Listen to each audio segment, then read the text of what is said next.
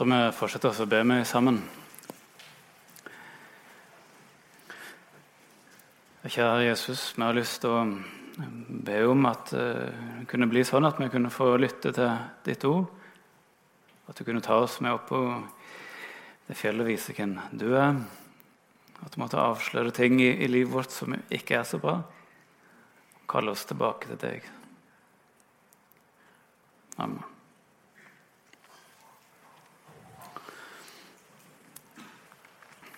I den første timen i stad så talte vi en del om det som jeg tror i hvert fall er hovedpoenget i uh, denne boka som heter 'Forkynneren'. Vi talte om kong Salomo, om han som var veldig klok, veldig rik og hadde mange koner. Vi talte om hvordan han trodde at jakten på lykken det var det som var meningen med livet, før han kanskje forsto at alt det strevet det var meningsløst og forgjeves.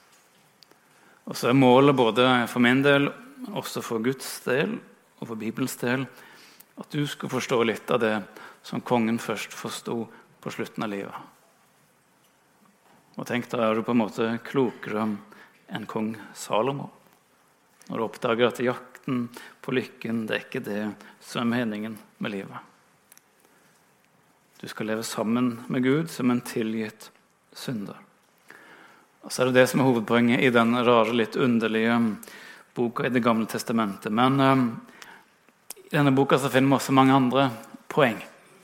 Det er mye livsvisdom, og det er mye gullkorn i denne boka. Det sto det Forkynneren var ikke bare vis, han ga også folket kunnskap. Han grunnet og gransket og formet mange ordspråk. Og Forkynneren la vind på å finne gode ord og vendinger og skrev ned det som er rett og sant. Og det er veldig mye visdom i denne boka. Mange spennende vers, mange morsomme nesten formuleringer. Så du må gjerne lese den sjøl seinere. Men jeg tenkte det at med denne andre delen kunne ta fram noen av disse gullkornene. Litt sånn tilfeldig rekkefølge. Og så er det noen kloke råd da, som du kan ta med deg i livet. Litt visdom fra en som har brukt mye tid på å tenke. Og så er det også først og fremst visdom ifra Gud. Og Det er jo spesielt at du som får lov til å tro på Jesus, du er tilgitt. Du har fred med Gud. Du trenger ikke å prestere noe som helst for å bli godtatt av Gud. Men så har du kanskje også samtidig et ønske om å leve sånn som Gud vil. Du vil ære Han med ditt liv. Og Så lurer du kanskje på hvordan vil Gud at jeg skal leve livet mitt. Ja, noen av de svarene det finner vi i denne boka. Vi skal begynne med et eh, vers som handler om bønn. For det står sånn Vær ikke for snar med munnen, og la ikke hjertet forhaste seg når du vil tale et ord for Guds ansikt.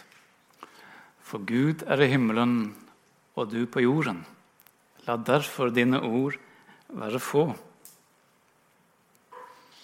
Kanskje litt rart å eh, stanse for et vers som sier at du skal be med få ord.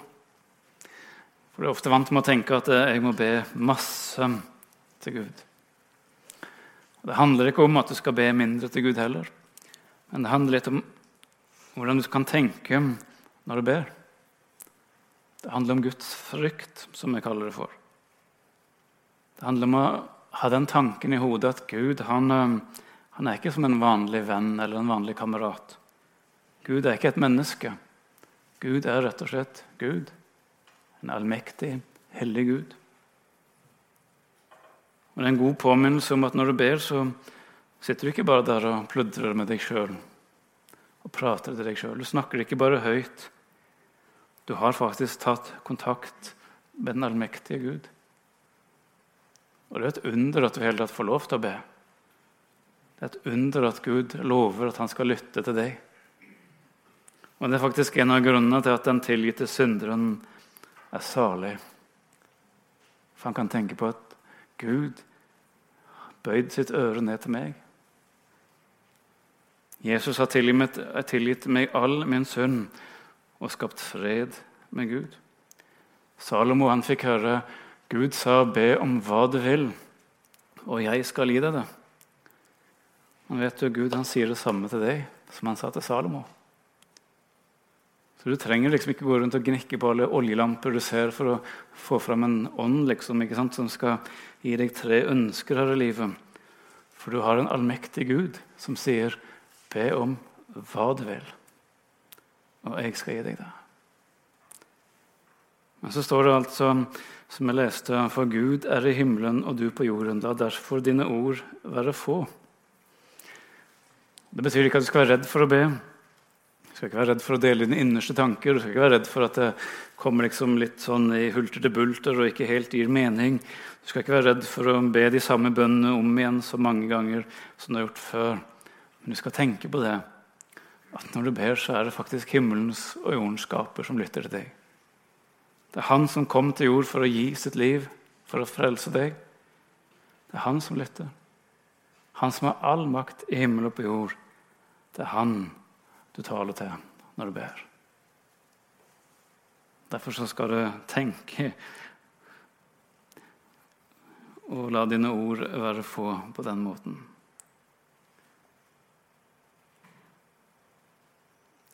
Forkynnerens bok handler naturlig nok mye om ditt forhold til penger og rikdom. For Salomo han var jo veldig rik, og han kjente godt til eh, hva det vil si å være rik.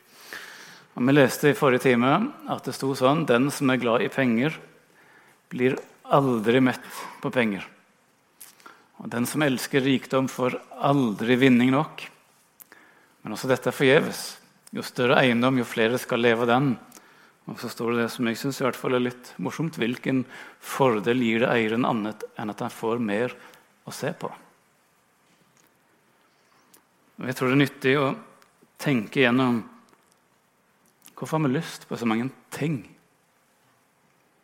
Hvorfor må vi ha et stort hus og hytte på fjellet eller med sjøen? Hvorfor skal vi arbeide så mye bare for å få råd til en ny og litt fancy bil?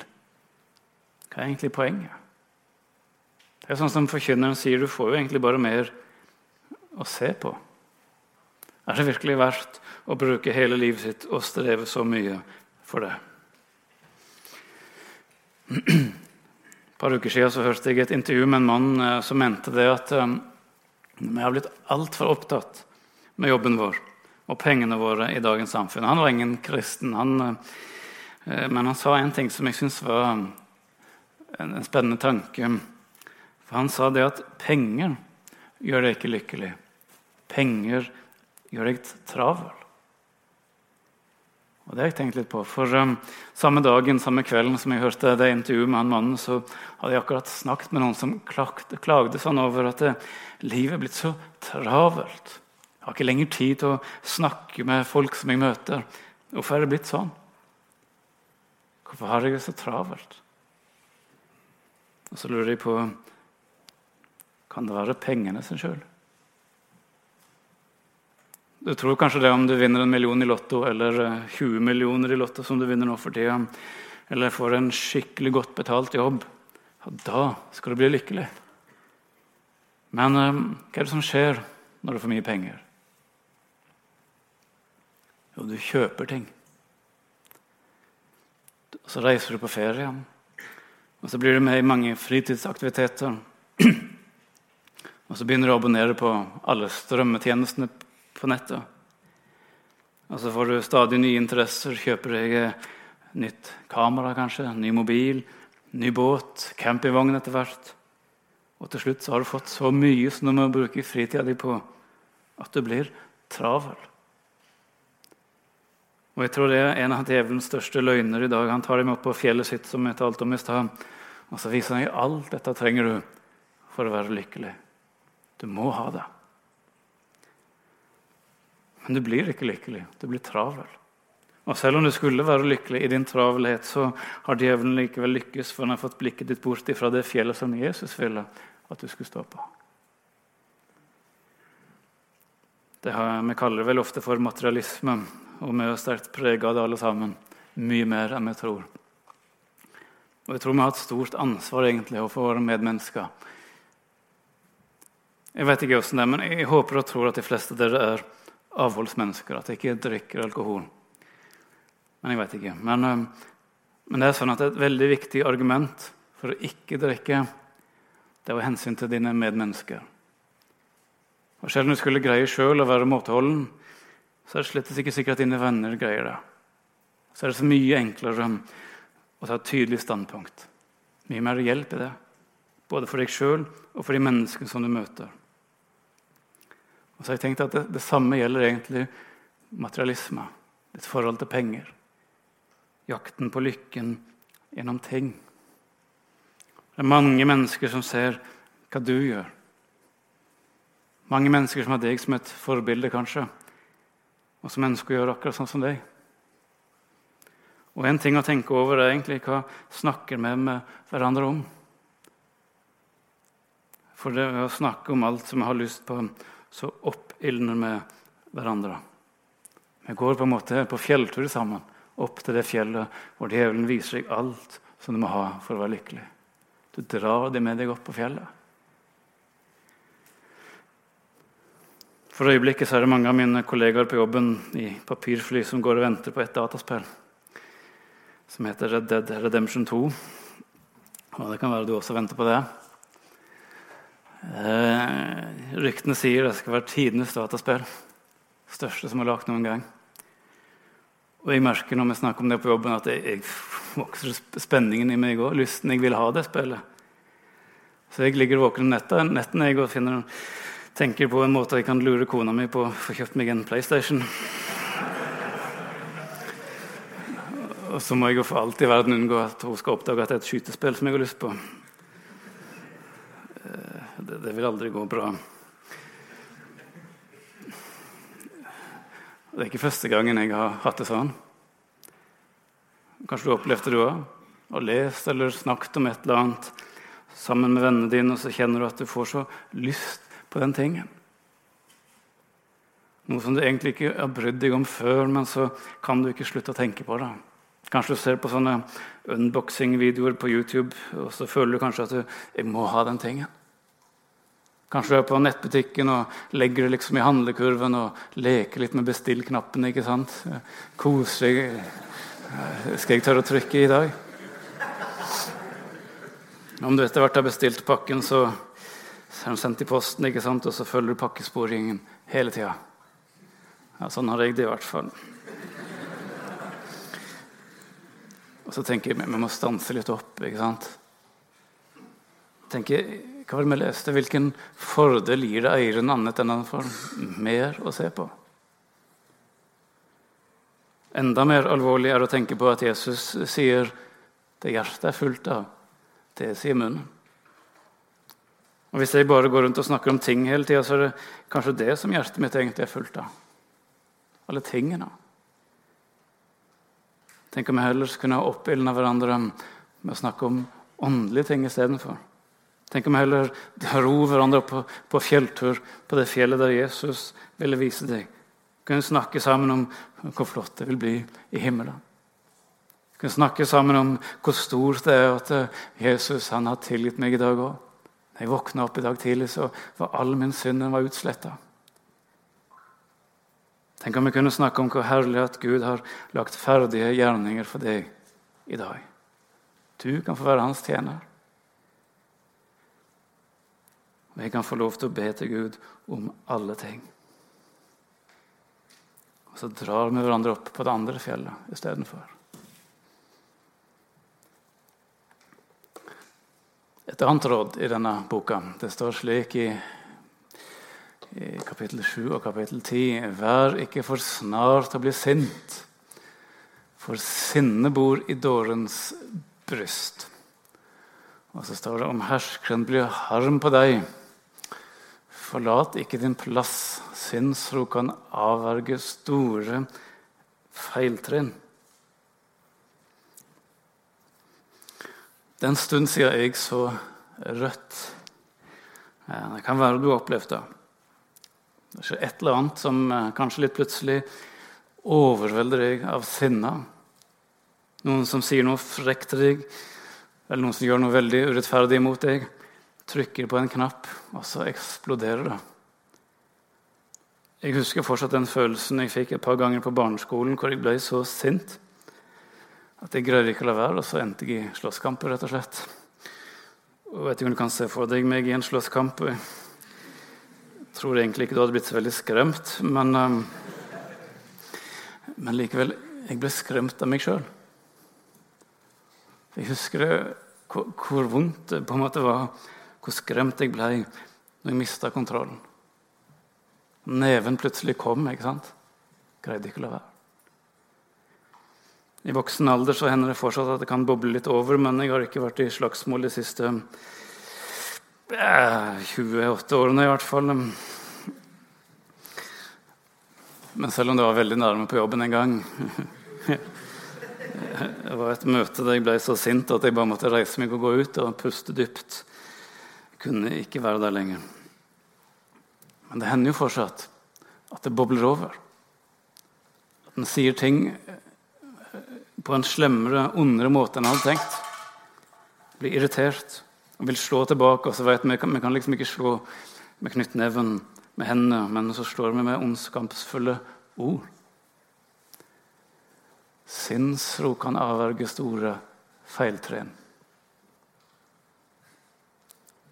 Jeg eh, har ikke tenkt å reklamere for yoga, og sånne ting, absolutt ikke, men jeg tror du kan øve deg på å telle til ti. Trekke deg litt unna når alle helst vil gå til angrep. Tenke på Jesus når han merker at det begynner å boble på innsida. For det står jo sånn i hebreerbrevet Tenk på Han som holdt ut en slik motstand fra syndere, så dere ikke blir trette og motløse. Og så vet man at Ofte så er det jo bare en misforståelse. ikke Kanskje Kanskje du egentlig var litt trøtt, kanskje du hadde spist for lite eller var stressa for et eller annet, og så går det bare utover en uskyldig liten pøbel som plager deg. Det var helt unødvendig. Så står det sånn Bry deg heller ikke om alt det som folk sier. Ellers må du kanskje høre at din slave forbanner deg. Og så står det du vet jo i ditt hjerte at også du mange ganger har forbannet andre. Jeg tror ikke det er så mange av dere som har slaver.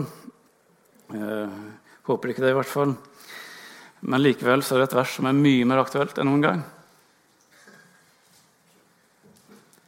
Før i tida så måtte du ofte være til stede for å høre at folk snakket bak din rygg eller baktalte deg.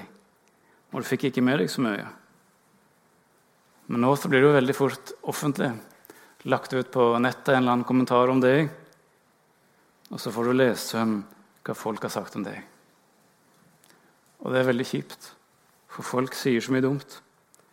Og vi snakker om hverandre hele tida, og det er mange som snakker dårlig om deg. Det kan du være sikker på. Det trenger du egentlig ikke å gå og lure på, for det er ikke til å unngå. De tar tak i en av dine dårlige egenskaper som du har, og så overdriver de den og karikerer den. Og så skjer det hele tida. Derfor er det bare best å prøve å unngå å bry seg om hva folk mener om deg. Og så minner jeg forkynneren på du vet jo sjøl at i ditt hjerte så har du også mange ganger forbannet andre. Skal man være ærlig, så har du vel du også snakket dårlig, til og med om dine beste venner.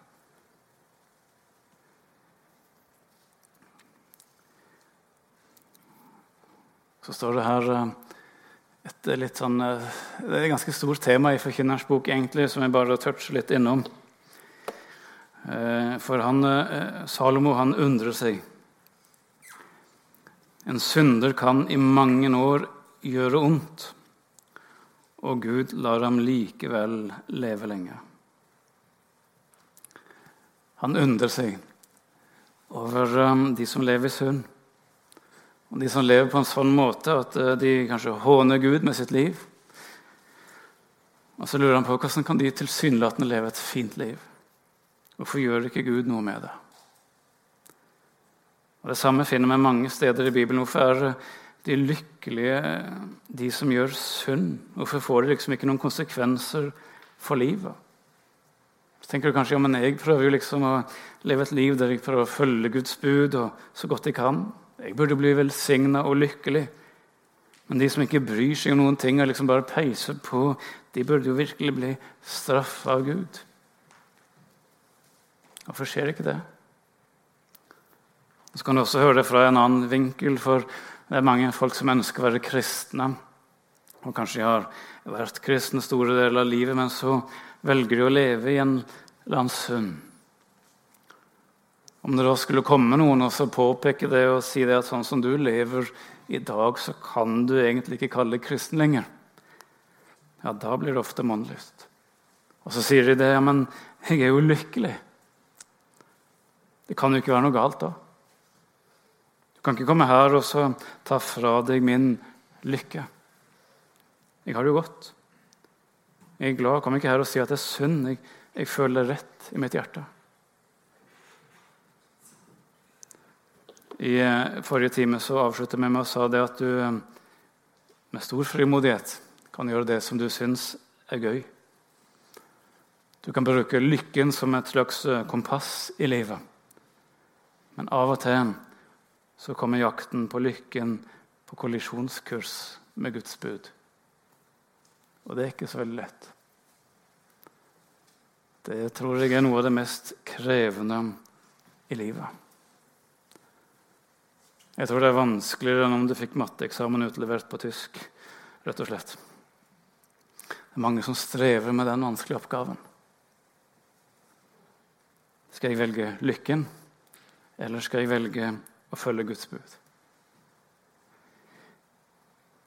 Kanskje særlig de som er oppvokst i en kristen heim, fått en kristen oppdragelse, og du vet innerst inne hva som er rett og hva som er galt. Og så kjenner du kanskje på en dårlig samvittighet av og til om du gjør noe som du vet er imot det som Gud vil. Men etter hvert eh, så vokser du til, og så kjenner du på fristelsen til mange ulike synder. Og I starten så våger du kanskje ut i et eller annet, og så er du litt nervøs for at eh, nå kommer verden til å falle sammen. Det kan koste mye å gjøre et opprør med foreldrene, f.eks. For eksempel. Og så er det mange som er redde. Hva vil Gud straffe meg? Så våger de seg ut i en synd, og så skjer det ikke noe. Livet forandrer seg ikke. Det fortsetter som vanlig. Du kan til og med leve et godt og et lykkelig liv.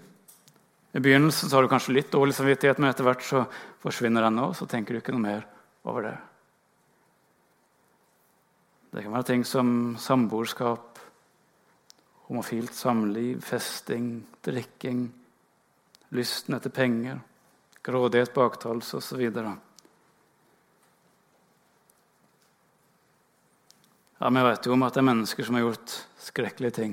Straffbare ting, altså som, som voldtekt og til og med drap. Og de har kommet seg unna med det. Det kom ingen stemme ifra himmelen. Det sto ingen engel med et flammende sverd foran dem. Det er ingen som vekker dem på natten plutselig og krever regnskap for det som de har gjort. Det skjer ingen ulykker og vonde ting. Tvert imot så opplever de fleste syndere det at egentlig så går alt helt greit. Jeg tror det fins mange lykkelige syndere. Forkynneren undrer seg det er noe meningsløst som hender på jorden. Noen rettferdige får hva de urettferdige fortjener, og noen urettferdige får hva de rettferdige fortjener. Og Det kan vi undre oss over, men det som har blitt alvorlig for meg å tenke på, det er at mange tenker at så lenge jeg er lykkelig, så er alt greit. Så tenker de kanskje at eh, om jeg lever feil med livet mitt, eh, så vil jeg få et tydelig signal fra Gud. Han vil stanse meg opp på en eller annen måte. Men det er ikke sikkert. For Gud han har gitt deg én ting. Han har gitt deg ordet sitt. Han har gitt deg kartum, som jeg talte om i, i forrige time, som forklarer deg hvilke veier du skal gå på, og hvilke veier du skal holde deg unna. Han har tegna opp for deg hva som er rett, og hva som er galt. Og Derfor skal du lytte til Guds ord, ikke til hjertet når det gjelder slike ting. Men samtidig skal du nyte de gode dagene i livet ditt. Du skal være for lykkelig som du vil, med god samvittighet. Det er jo ikke det det handler om. Men av og til så er du nødt til å justere kursen. Jeg har lyst til å minne igjen om Den som har Sønnen, har livet, men den som ikke har Guds sønn, har ikke livet. Og Dette er skrevet til dere for at dere skal vite at dere har evig liv, dere som tror på Guds sønns navn. Og så leste vi salige er de som har fått sine lovbrudd tilgitt og sine syndere skjult. Salig er det mennesket som Herren ikke tilregner synd. Og så er det en konklusjon på det som står i Forkynnerens bok. Der står det sånn Dette er summen av alt du har hørt. Frykt Gud og hold Hans bud. Dette gjelder for alle mennesker, for Gud skal dømme hver gjerning. Holde dom over alt som er skjult, enten det er godt eller ondt. Ja, kjære Herre Jesus. Jeg har lyst til å be om at du må veilede oss i livet vårt gjennom ditt ord. At du må gi oss et lydhørt hjerte som du ga kong Salomo. Og en villig ånd som lar seg lede og gå på dine veier. Og så ber jeg deg om at vi må få hjelp til å nyte alle de gode dagene som kommer imot oss. Men at vi ikke må bruke lykken som en eh, pekepinn på om vi lever sammen med deg eller ikke sammen med deg. Der må vi bare bruke Guds ord. Der må vi holde oss til korset.